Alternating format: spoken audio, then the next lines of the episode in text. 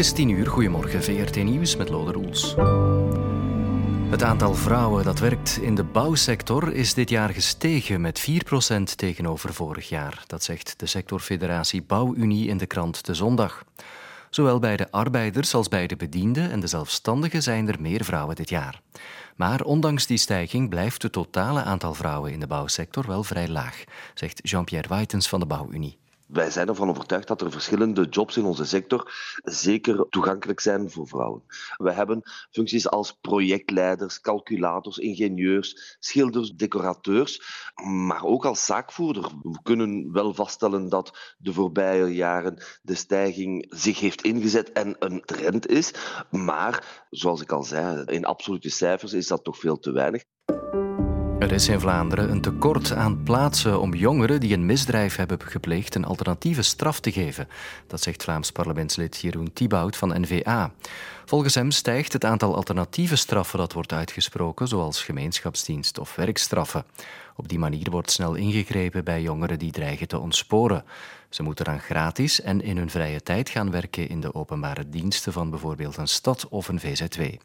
Maar er is dus in de praktijk te weinig plaats om hen meteen aan het werk te zetten, zegt Thibaut. Het aantal alternatieve straffen neemt uh, altijd maar toe. En om dat kunnen mogelijk te houden, is natuurlijk uh, het zo dat er meer plaatsen nodig zijn. Dat is niet alleen een oproep aan mijn eigen minister. Mijn eigen minister is degene die voorziet in de mogelijkheid om het te doen. Maar daarvoor zijn natuurlijk plaatsen nodig. Bij lokale steden en gemeenten, in ziekenhuizen, in zorginstellingen. Ik denk dat daar heel wat nood is aan mensen die heel wat ondersteunende taken doen. En wat betreft jongeren, ja, dat zijn jobs die best niet uitgeoefend worden tijdens de schooluren, maar wel buiten de schooluren.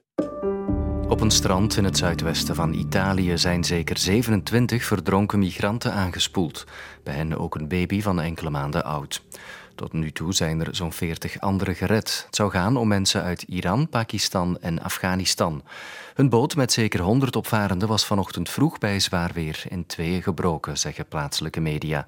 De zoekactie verloopt moeilijk. De G20, de grootste economieën ter wereld, zijn het opnieuw niet eens geraakt over een veroordeling van de Russische inval in Oekraïne. Hun ministers van Financiën zaten samen op een top in India. China en Rusland zelf stemden tegen om de veroordeling in een gezamenlijke verklaring te laten opnemen. China voert de afgelopen weken wel zijn diplomatieke inspanningen op om een einde te helpen maken aan de oorlog. De Russische president Poetin zegt intussen dat het westerse bondgenootschap NAVO meedoet aan de oorlog in Oekraïne door wapens te leveren. Volgens hem is de NAVO uit op de ondergang van Rusland. In de Amerikaanse staat Californië is er op sommige plekken 30 centimeter sneeuw gevallen. Er waren ook rukwinden tot 120 km per uur en die hebben hier en daar wat schade aangericht. Dat is ook het geval bij de Vlaming Peter Goossens, die in Santa Clarita woont. We hebben vier grote bomen verloren, die dus omgewaaid zijn. Eén daarvan heeft amper ons huis gemist. En dan zijn er ook nog een aantal zware takken op onze auto's beland.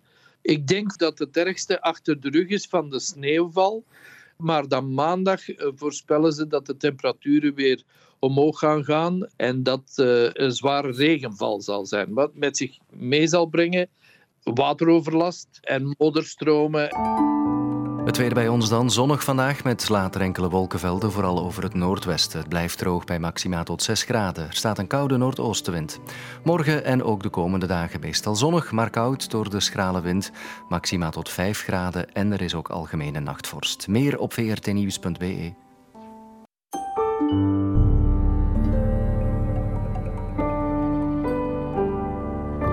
Clara, blijf verwonderd.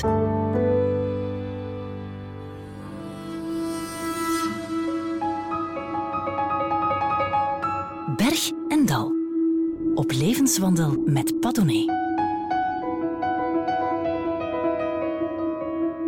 Raoul de Jong is zo'n naam die in Nederland vele belletjes doet rinkelen. Bij ons, jammer genoeg, nauwelijks één. Dat moet veranderen en wel met ingang vanaf heden.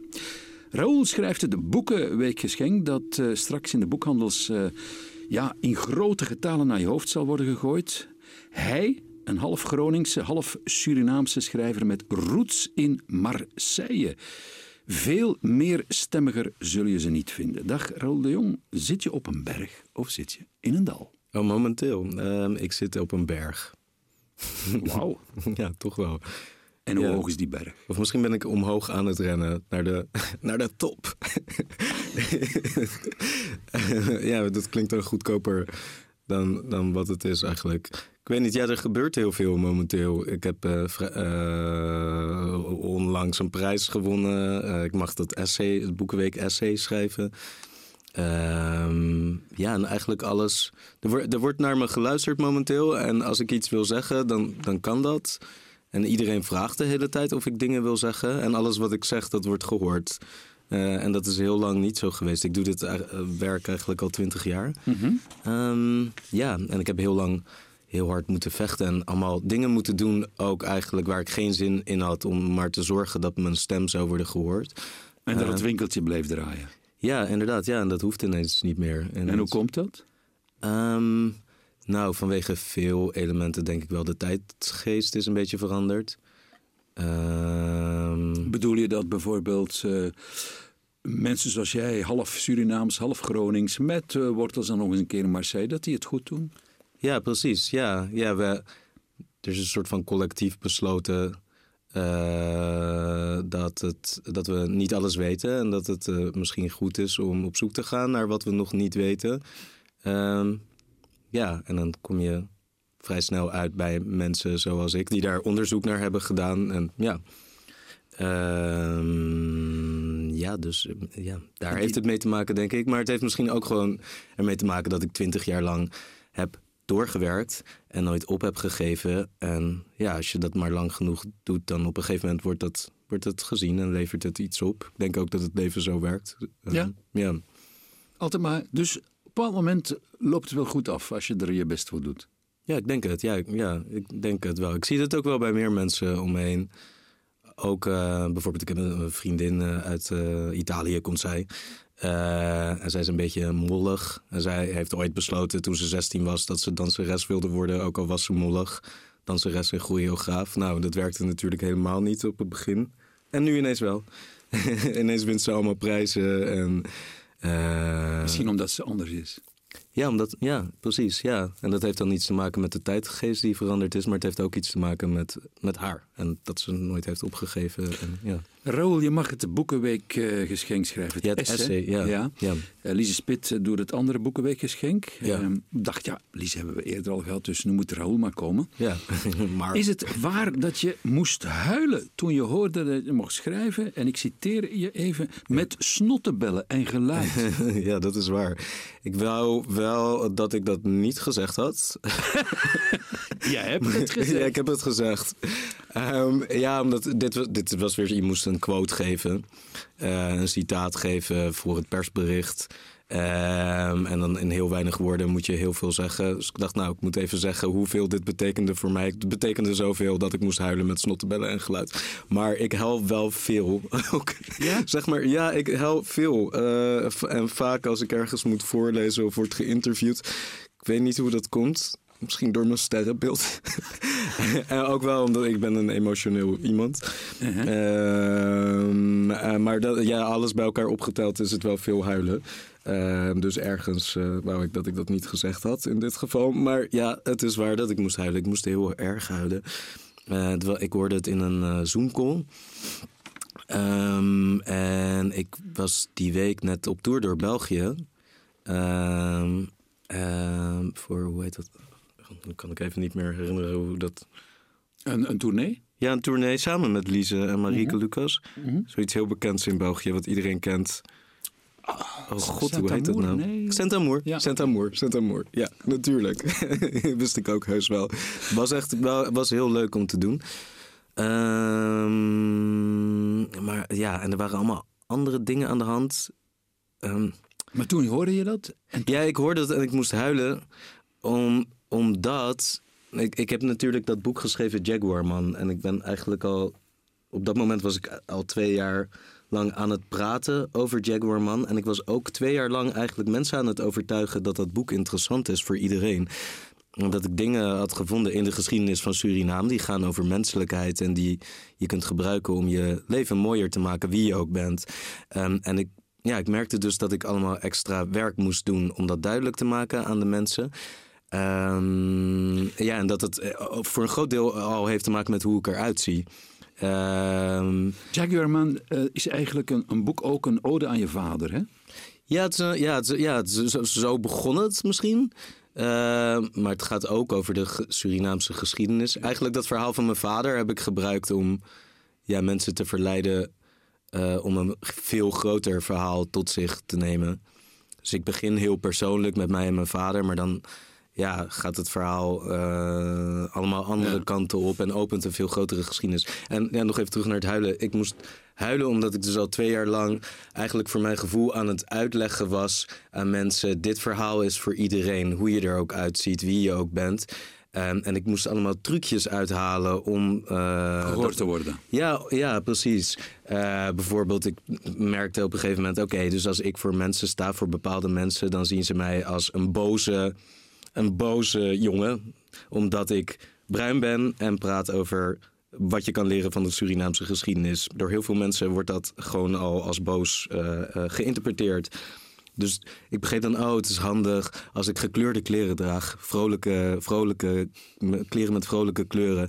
Of als ik even zeg voordat ik ga praten over Suriname, dat ik ook een Nederlandse opa heb. Zeg maar, hier zit... God. Of dat ik eerst even Jan Wolkers citeer voordat ik begin over Anton de Kom. Hier zit geen schrijver, maar een marketeer.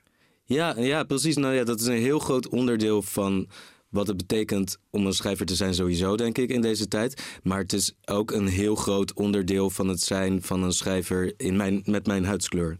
Weet ik inmiddels. Ik weet wie er allemaal voor mij kwamen en wat voor trucjes zij allemaal moesten uithalen. Ik noemde je half Gronings, half eh, Surinaams. Ja. eh, met roots dan nog eens een keer in Marseille. Eh, ja, maar het is wel een beetje verwarrend in de zin dat je eigenlijk uit Rotterdam komt. Ja, ik, ja, ja. Toch? Ja, ik, eh, ik ben in Rotterdam geboren, ja. Je hebt daar nog altijd een huisje. Ja, ja inderdaad. ja. Eh, maar dus je, mama, Mijn moeder die komt, die komt uit Nederland gewoon. eh, en die is verhuisd naar Marseille toen ik 21 was. ja, Dus inmiddels kom ik daar ook ja, al Ja. heel lang. ja hè? Ja. maar de, de papa of vader, ja, die is geboren in Suriname. En die is op zijn... Ja, ik weet even niet hoe oud hij was toen hij naar Nederland kwam. In de jaren 70 is hij naar Nederland gekomen. Ja. Ja, en, maar die heb je heel lang niet gezien. Nee, precies. Nee, die heb ik eh, ontmoet toen ik eh 28 was voor het eerst. Nou, nee, dat is niet helemaal waar. Ik hem voor het eerst ontmoet toen ik twee was. En daarna heb ik hem jarenlang niet gezien. En toen ik 28 was, toen nam hij eh, eh, contact met mij op. En waar was die dan heel die tijd gebleven? Ehm, ik heb daar nog steeds niet een heel duidelijk beeld van. Ik, ik vermoed dat hij ook een tijdje in de gevangenis heeft gezeten. Ik, eh, dat het sowieso niet goed met hem is gegaan. Altijd. In al die jaren. Maar ik weet niet precies hoe dat dan zit. Ik weet ook dat hij heeft ook eh, nog heel veel andere kinderen gemaakt in die tijd. Bij verschillende moeders.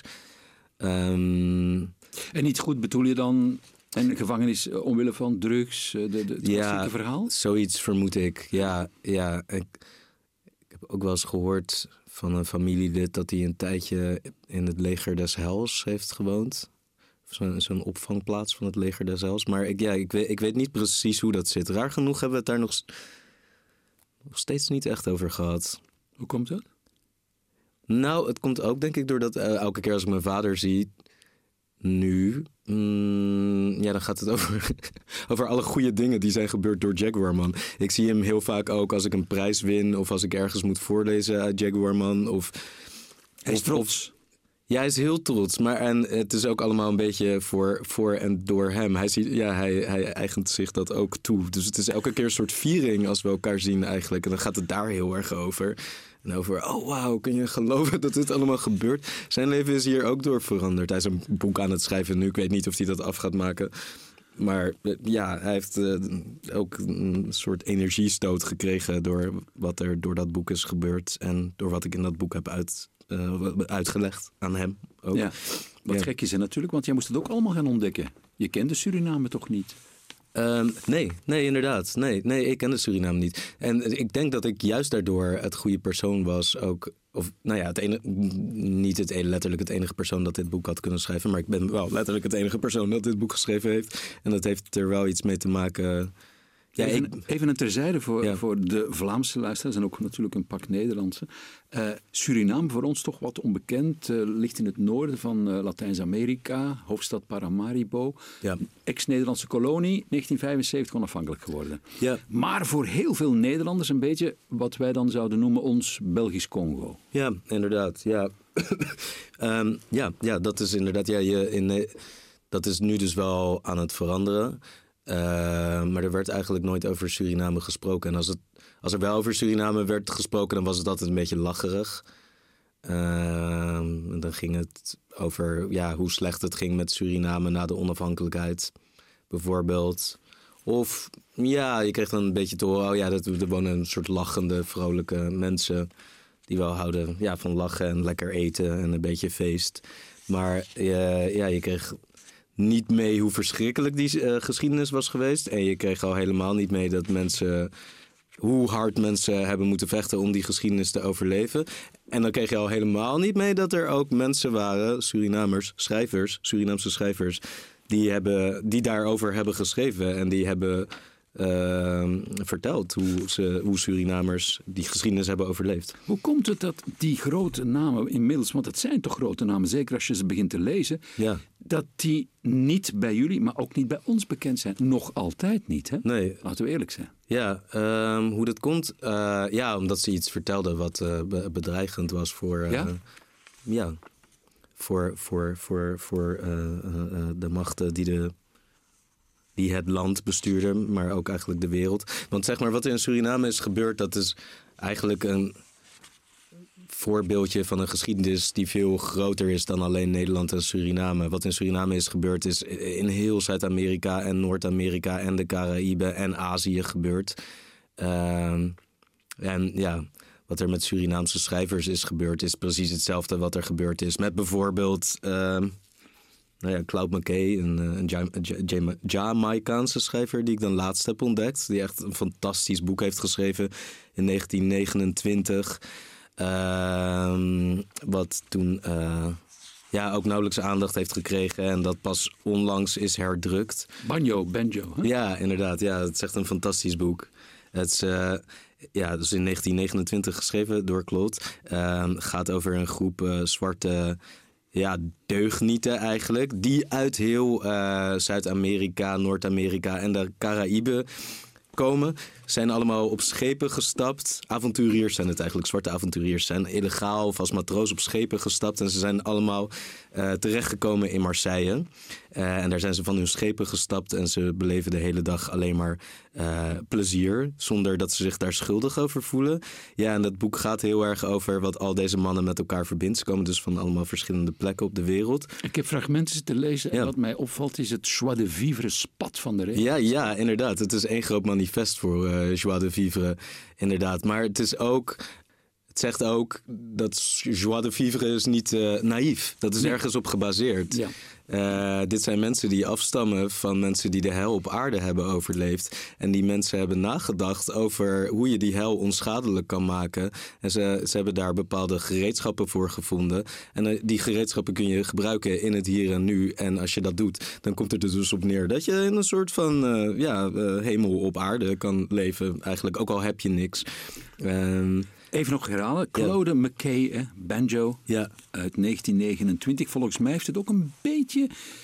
Heb je, is het een voorbeeld geweest voor jou toen je jouw uh, debuutroman schreef? Nou, Leven is verschrikkelijk. Ja, het is, het, ik, ik kende dat boek niet. Ik heb dat ook pas in de laatste jaren ontdekt. Eigenlijk doordat ik dus Anton de Kom op een gegeven moment ontdekte. En toen ben ik soort door blijven zoeken naar hoe groot dit verhaal nou eigenlijk was. En als ik Anton de Kom niet kende, welke schrijvers kan ik dan allemaal nog meer ontdekken? En zo kwam ik uit bij Claude McKay. En toen ik dat boek las herkende ik allemaal trucjes die ik zelf ook heb oh gebruikt in mijn eigen leven. Dus hij heeft het van jou uh, afgekeken? Nee. Bedoel nee, nee, dat, nee, dat is niet wat... Nee, maar, nee uh, want ik ben lang na hem geboren. Ja, ja. Nee, meer dat ik begreep... Oh, die dingen die ik deed, die komen misschien wel ergens vandaan. Ja. Uh, dus het wordt een soort van traditie. Inderdaad, ja, precies. En zonder dat ik dat wist. Net zoals ik zonder dat ik dat wist allemaal dingen deed die mijn vader ook doet. Uh, bijvoorbeeld, wij praten hetzelfde en we praten over dezelfde dingen. En ik raak altijd mijn telefoon kwijt, waardoor al mijn vrienden zeven nummers van mij in hun telefoon hebben. Ehm, ja, mijn vader heeft dat ook, maar ook al zijn andere kinderen, die raken ook allemaal hun telefoon kwijt. dat soort kleine gekke dingetjes. Ja. Ik heb foto's van je vader gezien. En Ja. je, op een bepaald moment, als je ze eh, naast elkaar legt, jou en die van hem, Ja. op dezelfde leeftijd, dan, dan kan ik het, sorry, niet eens zien wie nu wie is. Oh nee, ja, nee, grappig is dat. Ja, ja inderdaad. Je- Nee. Zie je dat zelf, dat die heel erg op jou lijkt? Of jij op hem, zullen we maar zeggen? Ja, ja, wel. Nou ja, en het was, het was heel duidelijk. Ook juist doordat ik. Ik was al 28 toen ik hem ontmoette. Dus ik was al iemand. Zonder dat hij daar ooit bij betrokken was. Dus ik, ja, ik, dacht- ik ja, ik dacht dat, dat ik mezelf had uitgevonden, zeg maar. Eh, Met hulp van mijn moeder en de familie en school en weet ik veel wat. En toen stond die vader dus ineens voor me. En toen was het ineens zo duidelijk. Oh, maar wacht even.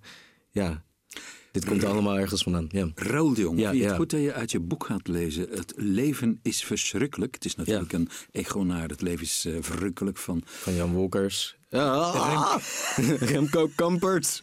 ja, oei, jee, jee. Ze draaien zich allebei om in hun grond. ja, inderdaad. Ja, oké, moet ik een kleine inleiding eh, opgeven, toch? Ja, ja. Als dat mag, ja. Ehm, ik, heb dit boek, ik ben aan dit boek begonnen toen ik 18 was. Ehm, en ik begon aan dit boek... ehm, ja, in de, in de eh, zomervakantie na mijn eindexamen. Dus ik had mijn eh, eindexamen gehaald. Ik had een diploma. Ehm, maar verder ging alles mis op dat moment. Ik wilde eigenlijk naar de filmacademie in Amsterdam. Dat was de enige school waar ik echt naartoe wilde. Maar ik, werd afgewezen. Ehm, en ik, ik was uit huis gezet vlak voor mijn eindexamen door mijn moeder. Waarom? Ehm, ja, omdat ik eh, een vervelende puber was. Eh, Had ze gelijk om jou eh, op straat te zetten? Mm, ja, ik begrijp wel waarom ze dat gedaan heeft. Ehm, en ik denk dat het me uiteindelijk allemaal dingen heeft geleerd. Ook het heeft me gedwongen om allemaal dingen te leren. Dus ik- nou ja, ik ben er niet meer boos over. Laat ik het zo zeggen. Maar je was er wel boos om. Ja, ik was er toen wel heel boos over. Ja, en mijn moeder is ook niet. Het is ook ingewikkeld. En heeft ook allemaal jeugdtrauma's en zo. En daar heeft dit ook mee te maken dat dat gebeurde. Ehm, dus ik was bij mijn tante gaan wonen. En eh, mijn tante ging na mijn eindexamen scheiden van haar man. Maar jongen, toch, waar kom je allemaal terecht? Ja, het was echt een, het was een verschrikkelijke periode. Dus ik begon eigenlijk aan eh, de rest van mijn leven, mijn volwassen leven. En ik had geen thuis, ik had geen plan, Geen ouders? geen ouders, nee, niet echt begeleiding. En ik Geen had- huis? Geen huis, ge- geen geld ook. Maar wel allemaal boetes. Ik ging dan toch vaak wel met de trein. Omdat ik vond dat ik gewoon wel met de trein mocht reizen. Ook al had ik geen geld. Dus het, het was een vrij verschrikkelijk moment. Ehm, en op een gegeven moment was er iemand, Frank Bierens heette hij. Eh, hij was de hoofdredacteur van een website waar ik stukjes voor was gaan schrijven tijdens mijn eindexamenjaar via een reeks vreemde toevalligheden. En hij was eigenlijk de enige volwassen man op dat moment die ik wel serieus nam. Hij had in Afrika gewoond, in New York in de jaren tachtig en had tijdschriften opgericht. En hij zei nou oké, alles gaat nu eh, verkeerd en je bent alleen, maar je kan wel schrijven. Eh, dus waarom ga je niet gewoon een boek schrijven? Ehm, En dat is dan, het leven is verschrikkelijk geworden. ja, dat is het leven is verschrikkelijk geworden. Ik wist niet waar het boek over moest gaan, totdat ik in die zomervakantie op een middag, op een avond van, eh, naar, naar, naar, van Vlaardingen naar Schiedam fietste. Ik was bij de familiebarbecue geweest van mijn Groningse opa. De hele familie had daar met zijn ogen gerold om hoe vaag ik was over mijn toekomst. Ehm, en ik fietste naar huis. Ehm, en ik dacht, oh ja, oké, hier ga ik, ik ga. Dit is allemaal groots genoeg en dramatisch genoeg om een boek te schrijven. En dit waren de eerste zinnen die ik toen eh, heb geschreven. Daar ga ik dan op mijn fiets, die inderdaad een stuk fijner fiets dan op de heenreis. Tas logeerspullen op mijn rug, nieuwe Walkman op mijn hoofd, Puk onder mijn arm, Puk was mijn hond. Door Vlaardingen richting Schiedam, de weg die ik al zo vaak heb gefietst. Altijd hetzelfde, maar nu toch een beetje anders. Het leven is verschrikkelijk, zeg ik tegen Puk. Toch, het leven is verschrikkelijk en dan ga je dood. Puk hoort me niet en als hij me wel hoort, begrijpt hij me toch niet. Niemand hoort me, niemand begrijpt me. Ik moet huilen, stop met fietsen om het juiste muziekje op te zoeken. Iets van Coldplay. We kunnen weer. Ik huil steeds harder en dan ook met geluid. Snottenbellen, wind tegen, grijze lucht. Erg dramatisch, net als in de film. Heerlijk. Ehm, ja, dus eigenlijk wat ik deed. Uh, ik deed alsof, het alsof mijn leven een roman was. Ik maakte er een mooi verhaaltje van. En dat was een soort trucje om, uh, om, de, om de werkelijkheid draaglijk te maken. Maar het is ellende met een leuke soundtrack. Ja, precies. Ja, inderdaad. Ja. ja, ik maak er een mooi verhaaltje van. Ik kleed het een beetje aan met glitters en een leuke soundtrack. En, ik zeg, eh, en voor een verhaal is het namelijk goed om allemaal tegenslagen te hebben en drama. En uh, dat is wat je wil als je een boek leest. Maar het was nog echt gebeurd ook. En het was nog echt gebeurd ook, ja, precies. En doordat ik het allemaal opschreef, uh, ja, werd het, werd het als een roman. En het, het werkte ook echt. Men, uiteindelijk kreeg ik een soort happy end. Heb je soms het idee dat je in je eigen roman bent verzeild geraakt? Um, ja, uh, ja, maar dat, ik heb dat. Ik gebruik het, wel, ik gebruik het vrij bewust, zeg maar. Het is. Um... Maar ben je op een bepaald moment niet een romanpersonage sowieso? Al was het maar omdat je je ik ook gebruikt voor je, voor je boeken. Mm, jawel, maar ja, ik gebruik het dus wel vrij bewust. Ik zeg, oké, ik ga nu uh, bijvoorbeeld, nou ja, de afgelopen zomer. Ik ga nu op een schip door de Caraïben varen. In een matrozenpakje uit naam van Anton de Kom en Claude McKay. En alles wat er nu gaat gebeuren, van, vanaf nu gaat gebeuren, dat is dat, uh, een verhaal. Voilà. Ja, en dat stopt dan op een gegeven moment ook weer. Ja, dus het is zeg maar, het zijn bepaalde hoofdstukjes. Het is niet mijn hele leven. Maar het is wel, dat trucje werkt echt. Uh, ja, het leven wordt als een mooi verhaal. Uh, ja, en ik denk dat het ook dat het een belangrijk uh, trucje is. En dat we dat ook moeten beseffen, dat we als mensen, dat we die macht hebben. We kunnen bepalen in welk verhaal we leven. Dat is zo voor ons allemaal. Uh, en we willen allemaal in een mooi verhaal leven. En dat kan. Ja. Raoul de Jong, schrijver. I think it's going to rain today. Dat is een uh, nummer van uh, Randy Newman, maar hiervan in een versie van David Links en Peter Hertmans.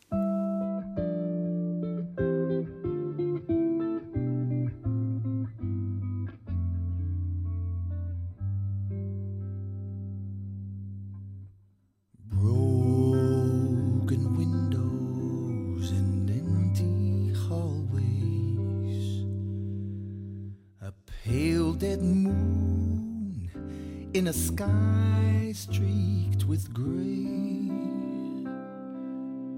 Human kindness is overflowing,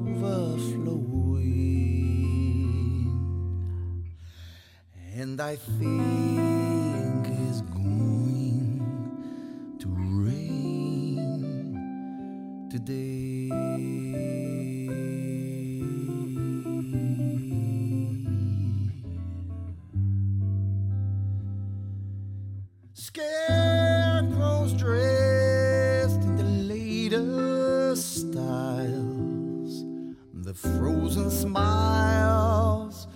Chase love away. Human kindness is overflowing, and I think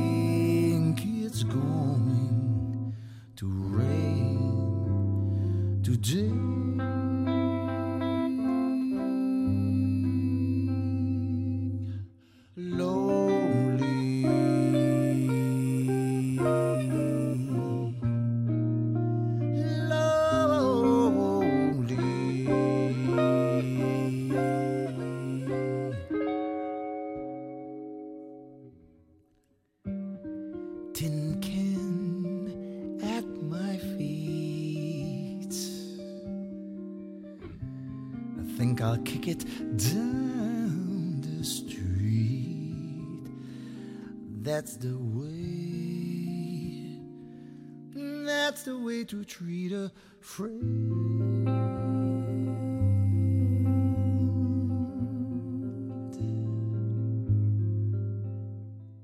I think it's going to rain today. Ik weet niet of het klopt. Uh, in ieder geval, Randy Newman uh, wist het. En David Links uh, die zong hem na. Hele mooie versie met Peter Hertmans. Bij mij zit Raoul de Jong. Hij is schrijver, onder meer van het Boekenweekgeschenk, ook van Jaguar Man. Je zegt, uh, Raoul, in mijn Nederlandse familie, want je bent zowel van Nederlandse als van Surinaamse origine. In mijn Nederlandse familie zijn we bang voor alle slechte dingen die er kunnen gebeuren in de toekomst. We vergeten dat het in het moment zelf wel meevalt en dat is heel westers. Ja, oh, zeg ik dat? Dat daar, daarachteraan? Ja, dat zie je. Dat, ja, dat is een onderdeel van de quote. Ja, ja, ja. ja. ja. Oh ja. Um, Waarmee je waarschijnlijk bedoelt, maar in Suriname kijken ze er anders tegenaan. Ja, inderdaad. Ja, in Suriname is het meer, en dat is zoiets wat veel gezegd wordt, dus dat klinkt dan een beetje plat, maar in het moment leven. Um, even kijken, oké, dit moet ik even goed zeggen. Ik denk um, dat we hier in deze wereld, uh, aan deze kant van de wereld, over het algemeen heel bang zijn ja, voor de toekomst en voor alle slechte dingen die kunnen gebeuren. Het is altijd een soort van. We zijn altijd bezig met onszelf daartegen beschermen. Omdat we, als we dat niet doen, we geloven dat als we dat niet doen, ja, dat het dan allemaal heel erg wordt. En dat alles uit elkaar gaat vallen en dat we de rekeningen niet kunnen betalen of op straat belanden. We gaan er sowieso een beetje vanuit dat de wereld binnenkort wel zal eindigen. Zo. Um, ja, ja dat, dat, hoor je nu wel voortdurend. Hè? Dat hoor je voortdurend, ja, inderdaad. Maar... Ik bedoel, je mag geen uh, ja, uh, pagina openklappen of er zit wel een klimaatklever aan. Inderdaad, ja. Dus, dat zijn we de hele tijd aan het schreeuwen. En wat ik dan vaak denk, ook ja, als we dat maar blijven schreeuwen, dan wordt dat dus waar. Dus we moeten daar een keertje mee ophouden met schreeuwen heel de tijd dat het allemaal heel erg is en allemaal alleen maar erger gaat worden. Gaat worden. Uh, als we zeggen, het is goed, laten we kijken naar wat er goed is. Laten we ons daarop focussen. Gewoon niet in de toekomst, maar in het hier en nu. En laten we ons daarop focussen en daarvoor zeggen: dank je wel. En laten we dat goede groter maken. Mm. Ja, dan wordt, het, dan wordt het ook beter en mooier. Want er is heel veel goeds om ons heen en er is heel veel om dankbaar voor te zijn. Maar we kijken daar nooit naar omdat we zo bang zijn voor, voor de toekomst. En voor, ja. Klinkt als een predikant, hè? Ja, klinkt het als een predikant. Weliswaar een Surinaamse of zo. Maar... Ja, um, ja, ja. Nou, Don't ja. worry, be happy. Ja, ja, ja, ja, inderdaad. Ja, dat, dat is het een beetje. Ja, en dat is dus wel heel erg. Dat, dat in Suriname is dat meer. Je ziet het al aan, uh, uh, aan hoe mensen over straat lopen in Suriname. In Suriname zijn ook veel Nederlanders.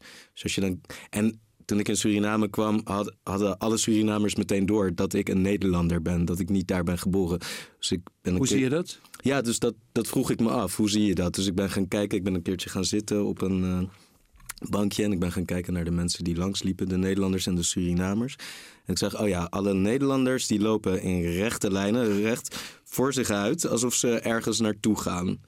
Uh, en alsof ze haast hebben. Ook al zijn ze op vakantie. Ze hebben vaak een beetje hangende mondhoeken, fronsende wenkbrauwen. Um, en als je met Nederlanders praat, dat weet ik omdat ik dat zelf ook vaak doe, dan is het doel soort van in het gesprek om te tonen hoe slim je bent. Uh, en, en, ook om te tonen, ik ben er, ik ben bakker, ik luister je na, naar je. Dus je zegt ja, inderdaad. Zo. En als je dat in Suriname doet, dan voelt dat eigenlijk als een soort Duitse legerofficier. Ja. die, die bevelen jullie dat bij ons in Vlaanderen doen ook een beetje Ook, hoor. ja, nee, I, I know. Ja, Permissie. Da nee, daarom vind ik, vind ik het fijn ook. Er zijn een hoop dingen die Nederland ook van Vlaanderen zou kunnen leren. Maar ja, nee, nee, nee, nee maar... dus als je met Surinamers praat, en daar moest ik een beetje aan wennen op het begin. Surinamers die zeggen niet de hele tijd ja, inderdaad, maar die zeggen dan zo af en toe, nou, dan, dan denk je als Nederlander, heb je nou geluisterd? Hoor je nou, heb je nou gehoord wat ik zeg? Begrijp je er iets van? Ja. En als je kijkt naar hoe mensen Surinamers door Paramaribo lopen, ja, dan is het een stuk langzamer, beetje swingend, alsof ze, ja, alsof er een soort van muziek is. Uh, en, daar, en daar lopen ze op. En ze zijn een soort van, ze zijn niet bezig met waar ze naartoe gaan, ze zijn bezig met wat er om hen heen is. Uh, ze zien dat en ze voelen dat. En ze staan ook heel erg open. Uh, om, uh, er, ze staan er heel erg open voor om van plan te veranderen. Dus als ze iemand tegenkomen, ja, dan is dat belangrijk. Dan moet er even gesproken worden. Wat mij opvalt, hè, als jij ja. over, um, en dat is toch geen onbelangrijk deel van je werk, over Suriname schrijft, dan doe je dat nooit vanuit een soort ressentiment, wraak of zo. Dat is. Nee. Um, proberen te verhelderen, ook voor jezelf. En ja. die zoektocht, die schrijvende zoektocht, die vind ik net interessant. Omdat je als lezer ontdekt, oh, maar die man die is het ook maar allemaal ter plekke aan het uh, bekijken en ja. te proberen te doorgronden. Bijvoorbeeld als je het hebt over uh, de, de culturen. Je hebt daar de Winti-cultuur. Ja.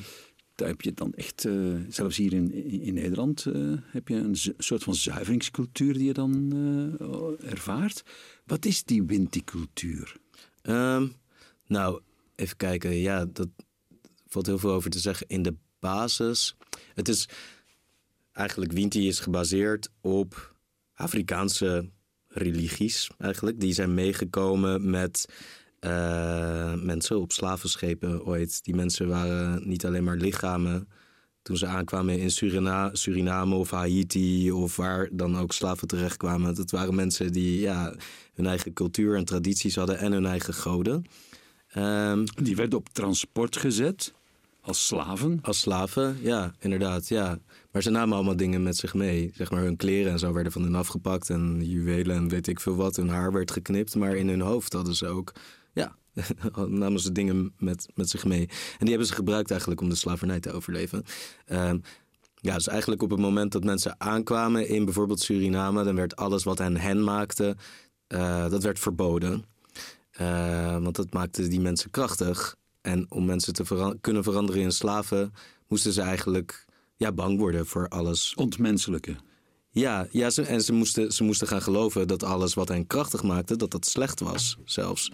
Ehm, dus ja, bijvoorbeeld die Afrikaanse goden, die mochten niet meer vereerd worden. Ehm, in Haiti hebben ze dat heel slim opgelost. De tot slaafgemaakte. Ze dachten, oké, als we dan die goden niet meer mogen vereren, dan gaan we dat doen in het geheim. Eh, en dan gaan we dat doen door eigenlijk katholieke afbeeldingen van katholieke heiligen te gebruiken. En achter die afbeeldingen ver- verbergen we dan onze eigen goden. Dus eh, dat zie je nu ook als je in Haiti bent. Er zijn heel veel ja, afbeeldingen van eh, witte heiligen. Eh, maar daar, daarachter gaan dus Afrikaanse goden schuil. In Suriname hebben ze het een beetje anders opgelost. Ehm, ja, omdat de, in Suriname waren er natuurlijk Nederlanders. Dat waren de onderdrukkers. En die waren protestants. Dus er waren geen afbeeldingen waarachter, ach- waarachter ze hun eigen goden konden mm, vereren. Ja, verschuilen. Maar ze, en ze hebben die goden altijd wel levend gehouden. Ja, en dat is, dat is eigenlijk wat, wat Winti is. Het vereren van die goden. En goden is niet helemaal een goed woord. Het zijn meer krachten. Het zijn een soort natuurkrachten. Ja, en die kun je oproepen. Maar ze zijn sowieso ook altijd bij je. Eh, een, aantal, een aantal van die krachten zijn natuurkrachten, maar het zijn ook je voorouders. En het zijn krachten die met jou zijn en die van jou willen dat je bloeit en dat het goed met je gaat. En jij Ja. doet dat af en toe, zo'n kuur, zal ik het maar zeggen, een winterkuur. Nou ja, ja ik ben daar toen voor Jaguarman. ehm, ik weet niet of ik dat nou verteld heb, maar mijn vader die heeft me op een gegeven moment verteld: jij stamt af van een, een Winti-priester die de kracht had om zichzelf in een eh, Jaguar, Tigri zeggen ze in Suriname, te veranderen. Ehm, en dat is iets heel slechts, dat moet je absoluut met rust laten. En ik hoorde dat en ik dacht, ja, maar dit is fantastisch. Want er rust een vloek op, hè? Want er rust een vloek op, zei hij, ja. En ik dacht, oh nee, maar dit is ju- juist, juist fantastisch. Dit is nou precies het soort voorvader waarvan ik altijd heb gedroomd. Eh, ja, ik wil weten wat die krachten zijn en wat die te maken hebben met mij. En ik wil ook weten waarom mijn vader er zo bang voor is. En zijn die krachten in jou losgemaakt geworden? Ehm, zeker, ja, wel. Eh, maar ik moest dus eerst op zoek naar wat die krachten nou precies waren. En daarvoor ben ik dus in de Surinaamse geschiedenis gedoken. Ik ben op zoek gegaan naar Surinaamse schrijvers die over die geschiedenis hebben verteld. Ik ben naar Suriname gegaan. Ehm, en ik heb een Winti-ritueel gedaan. Eh, want op een gegeven moment kwam ik terecht bij een Winti-priesteres in Suriname. Een 79-jarige vrouw op dat moment. En die zei... ehm, ja, je moet een, je moet een doen om erachter te komen wie die man precies was en wat zijn krachten waren. En dat moet je doen als je terug bent in Nederland. En ik moest dan elke dag witte kleren aan. Ik moest eerst een soort bad nemen met kruiden uit het regenwoud. En dan moest ik witte kleren aan. En dan moest ik gaan zitten en praten tegen mijn, eh, tegen mijn voorvader. En dan zou die voorvader me an- antwoorden geven in mijn dromen of vi- via vreemde toevalligheden. Ehm, ja, en ik had op dat moment kunnen zeggen wat een onzin. Ik geloof niet dat dat eh, iets gaat opleveren. Maar ja, dat, ik dacht nee, dit is veel leuker om te doen alsof ik hier wel in geloof. En, en, en dan te kijken wat er gebeurt als ik dat doe. Je hebt een boek meegebracht, de Mensetende, mensetende aanbidders der zonneslang van de gebroeders Penaar. Ja. Frederik Paul en Arthur Philip. Ja. Eh, 19e eeuw, begin 20e eeuw. Ehm, natuurhistorici, Surinaams eh, natuurhistorici en Ja. schrijvers bovendien. Ja.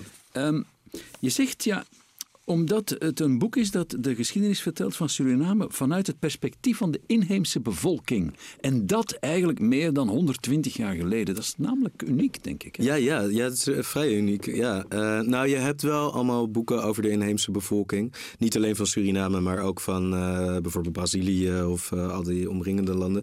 Maar meestal zijn die geschreven door paters. En dan is eigenlijk de boodschap van die boeken... oh, dit zijn hele naïeve mensen. En Of primitief, of Prima- ze geloven primitief. nergens in, of ze geloven in de foute dingen. Precies, en zij kunnen leren van ons.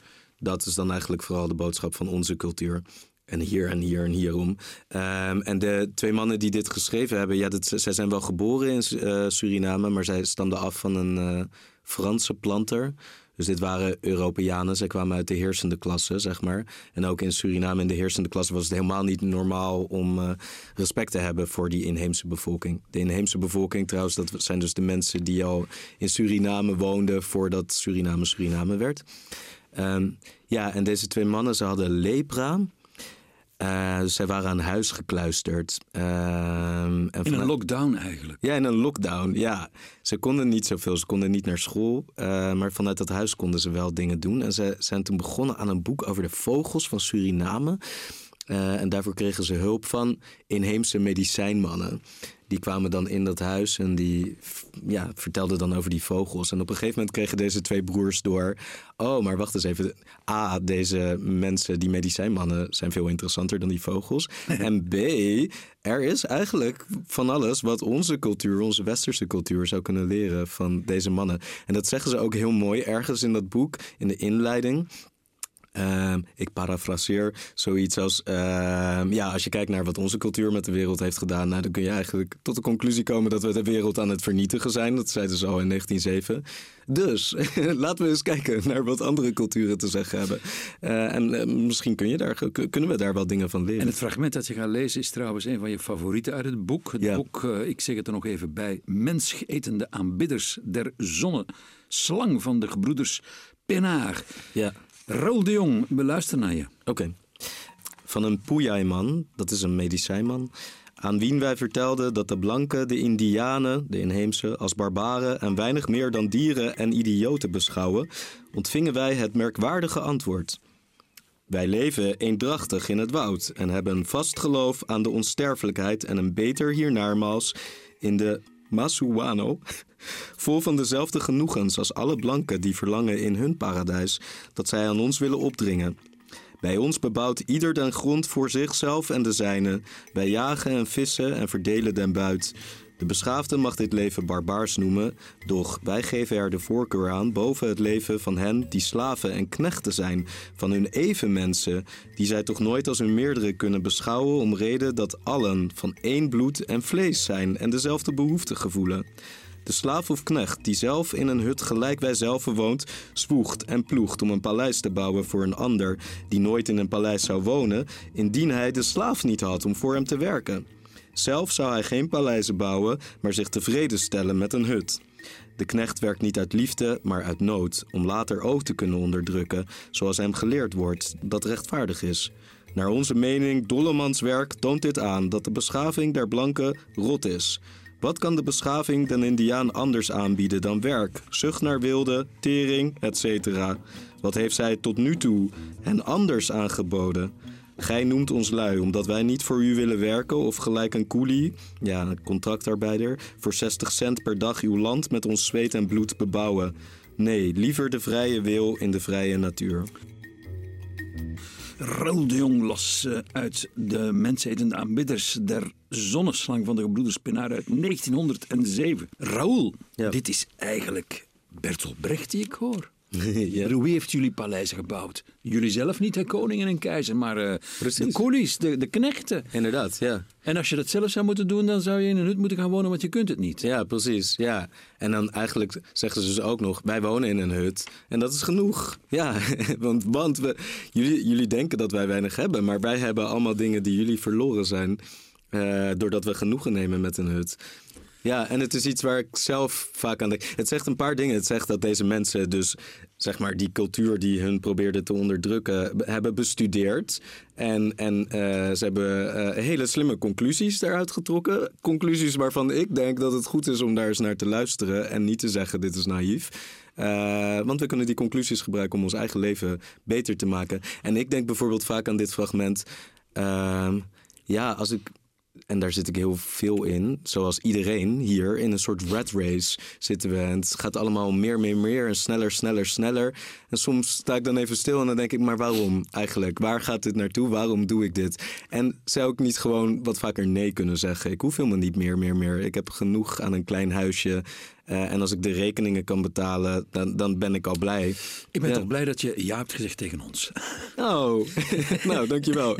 Is dit omdat je nu een volgende vraag gaat stellen? Nee, omdat ik... eh, ja, en ook omdat we naar muziek gaan luisteren. The Little Dippers. Wie zijn dat? Ehm, ik weet het eigenlijk niet. Ik kwam dit Kwartet liedje... of zo? Een kwartet, ja, volgens mij het zijn zo van de doo-wop zingers uit de Ja, ja. jaren 50. Ja. Het zijn eh, truttabellen uit de jaren 50, maar ik vind, ze, ik vind dit liedje fantastisch. Ik kwam het... eh, Word je daar vrolijk van? Ja, ik word er heel vrolijk van. Ja, ik, ik vind het een beetje een magisch liedje. Ik had het laatst op, op een dag eh, dat ik niet heel gelukkig was. Ik zette dit liedje op, hard in huis. Eh, en het veranderde de sfeer. Ik, ik was met mijn vriendje en ik zag dat het ook bij hem gebeurde. Een soort, ja, het is zo dromerig en brengt je naar een dat soort vriendje, ander- daar gaan we straks over. Oké, intrigeert Oh, oh. Hold me, kiss me, whisper sweetly.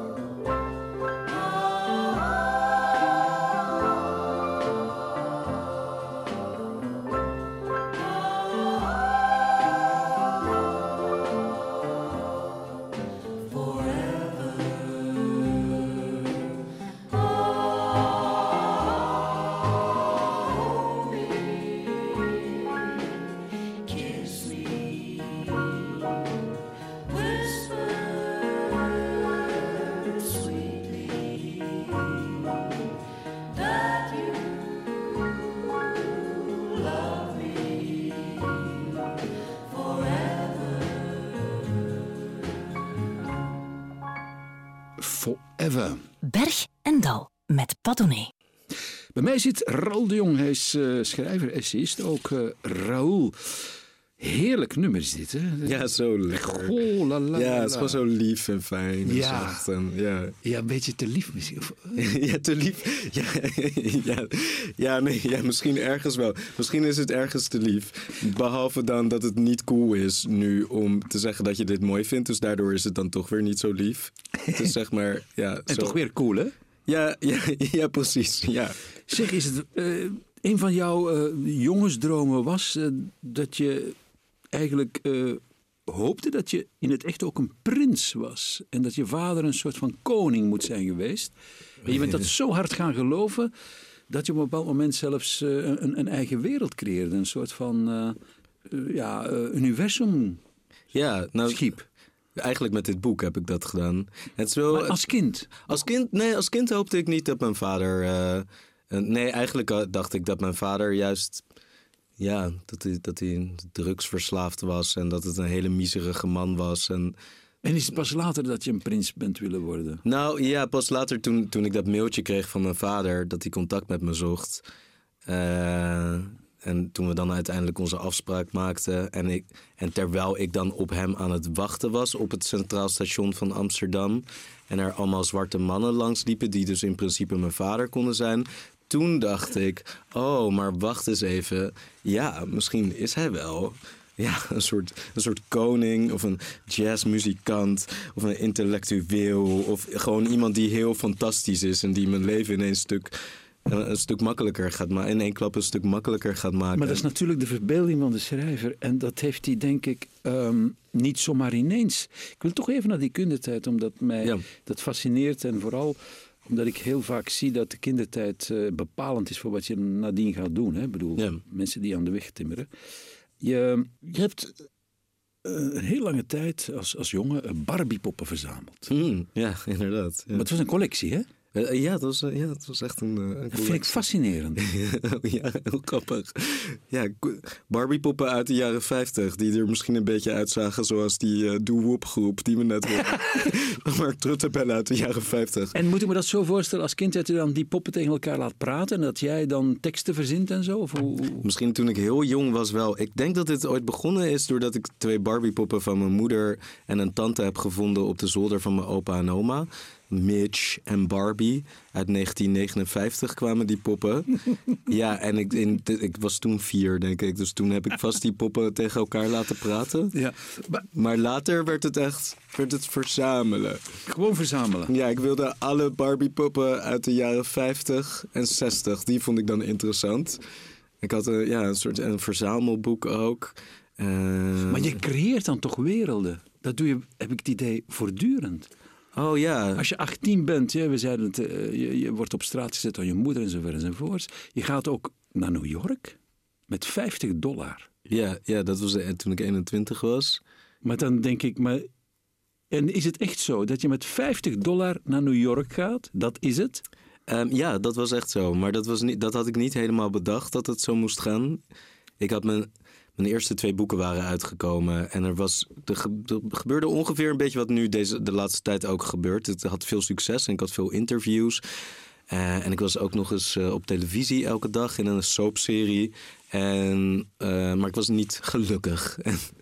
Op een dag dacht ik, nou, ik wil eigenlijk dat dit allemaal stopt. Ik ga naar New York. En toen heb ik, ben ik naar twee uitgeverijen gegaan. Toen heb ik gevraagd, eh, nou, wie gaat het meeste geld geven? Als ik naar New York ga en daar een boek over ga schrijven. En er was dan één uitgever en die gaf 2000 euro, denk ik. En dat vond ik op dat moment heel veel. Maar ik moest natuurlijk gewoon een ticket kopen. En er waren nog wat andere dingen die ik moest betalen. Dus ja, tegen de tijd dat ik in het vliegtuig zat, had ik letterlijk 50 euro over. Maar ik had wel ook ooit een biografie van Madonna gelezen toen ik 18 was. Ehm, en zij is ook ooit met 50 dollar naar New York eh, gegaan. En wat dacht je? Ik, ik ben ook Madonna. N- nou, ik dacht, voor haar is het goed afgelopen. Maar voor Eh, jou eigenlijk ook. En voor mij eigenlijk ook, ja. Want inderdaad. je hebt, je hebt gewoon in, in, in, in New York je man leren kennen. Ja, inderdaad. Ja, ja, precies. Ja. Ja, inderdaad. Dus maar op dat moment ja, kon ik twee dingen doen. Soort, ja, of ik had gewoon thuis kunnen blijven, maar daar had ik dan geen zin in. dus ik, ik kon denken, oké, dit wordt allemaal heel erg als je met 50 dollar naar New York gaat. En het leven werkt niet zo dat je dat soort dingen kunt doen. En je wordt dan verkracht of vermoord of je eindigt in Central Park aan de drugs of zo. Of ja, dit is juist het allerbeste wat je kunt doen. En er gaan mooie dingen gebeuren. En misschien het leven zelf gaat zich aan me tonen. En dat bleek uiteindelijk zo te zijn. Ja, ik heb toen uiteindelijk mijn vriend ontmoet op nieuwjaarsavond. eh nieuw, nieuwjaarsnacht, hoe zeg je dat? Oud en nieuw. Ehm, ja, wij zijn nog steeds met elkaar. Dat is nu eh, 17 jaar geleden. Ehm, ja, Een dus dat- Italiaanse schoonheid. ja. ja. Nou, eh, ja, eh, van binnen. Hij zag er niet per se uit. Hij was, ja, hij is wel knap. Maar wat ik heel leuk aan hem vond was. ehm, ehm, hij was naar New York gekomen ooit zonder Engels te spreken, überhaupt omdat hij een droom had gehad dat hij naar New York moest. Hij was heel raar en onaangepast. En ik herkende een soort van het negenjarige jongetje in hem dat hij ooit moet, moet zijn geweest dat niet begrepen werd door zijn familie en zijn omgeving. En dat heel hard heeft moeten vechten om ja, toch zijn vrolijkheid en zijn gevoel voor kleur en muziek en ritme en, en gewoon life joy niet te, te laten onderdrukken. En eh, ja, dat herkende ik in hem. En hij was niet per se de allerknapste eh, qua uiterlijk, maar wel de allerknapste qua gewoon mens zijn. Ik zag, oh, jij, jij, jij snapt hoe je dat doet, mens zijn. Mhm. En jij kan me dingen leren. En ja, ik herkende mezelf ergens ook in hem. Ja. En, en we gaan, ja, met jou kan ik zeg maar dit mooie avontuur, eh, kan ik mooie avonturen beleven. En, ja. en dat bleek ook zo te zijn. Ja, in dat sprookje van jou. Ja, precies. Ja, inderdaad. Ja, en die hele reis naar New York, dat was dus niet gepland. Dat gebeurde gewoon. Maar het was wel een mooi bewijs van het feit dat je dus ehm, ja, je lot in handen kunt leggen van het lot. En kunt zeggen tegen het leven: Oké, vanaf nu wordt het een mooi verhaal. Ga me dit verhaal tonen, leven. En dan ga ik het opschrijven. Dat is wat ik ervoor terug ga doen. En dat dat dus werkt. Dus later ben ik dat bewust gaan gebruiken. Op dat moment was, gebeurde het gewoon, maar later heb ik dat bewust ingezet. En Als je er maar in gelooft en uiteindelijk er ook voor werkt en, en ervoor gaat. Ja, inderdaad. Ja, precies. Ja. Raoul de Jong, schrijver. Ehm, wat is jouw credo? Oh jee, zo gewoon zo'n één catchphrase, zeg maar. Ja. Waar ik naar Je bent schrijver, bedoel, je wordt... Nou ja, dat is dus het ding juist vaak. Wat, wat ik ook heel fijn vind aan dit programma, dat we een uur de tijd hebben. Eh, dat komt niet vaak voor. Zeg maar, eh, eh, vaak moeten interviews in vijf minuten of tien minuten. En dan moet je zo dus in, zeg maar, one-liners dingen gaan zeggen. eh, waar je in principe eh, eh, 222 bladzijden voor nodig hebt. Bijvoorbeeld in het geval van Jaguarman. Dus, Maar ja, nu, eh, Maar nu, maar nu toch even een one-liner. Eh, mijn credo. Oh ja, daarna, ik denk dat er een aantal zijn. Wacht, oké, hier moet je moet er één kiezen. Ja, ik moet er één kiezen. In the spur of the moment. Ver- vergeet niet hoeveel kracht je hebt. En wees niet bang om die kracht te gebruiken. Wees niet bang om een mooi verhaaltje te maken van dit leven en van de werkelijkheid. Eh, want het duurt allemaal maar zo kort. Eh, en het heeft wel degelijk zin voor jezelf en voor de mensen om je heen. En voor de mensen die nog na je zullen komen. Ehm, en vergeet niet te dansen terwijl je doet.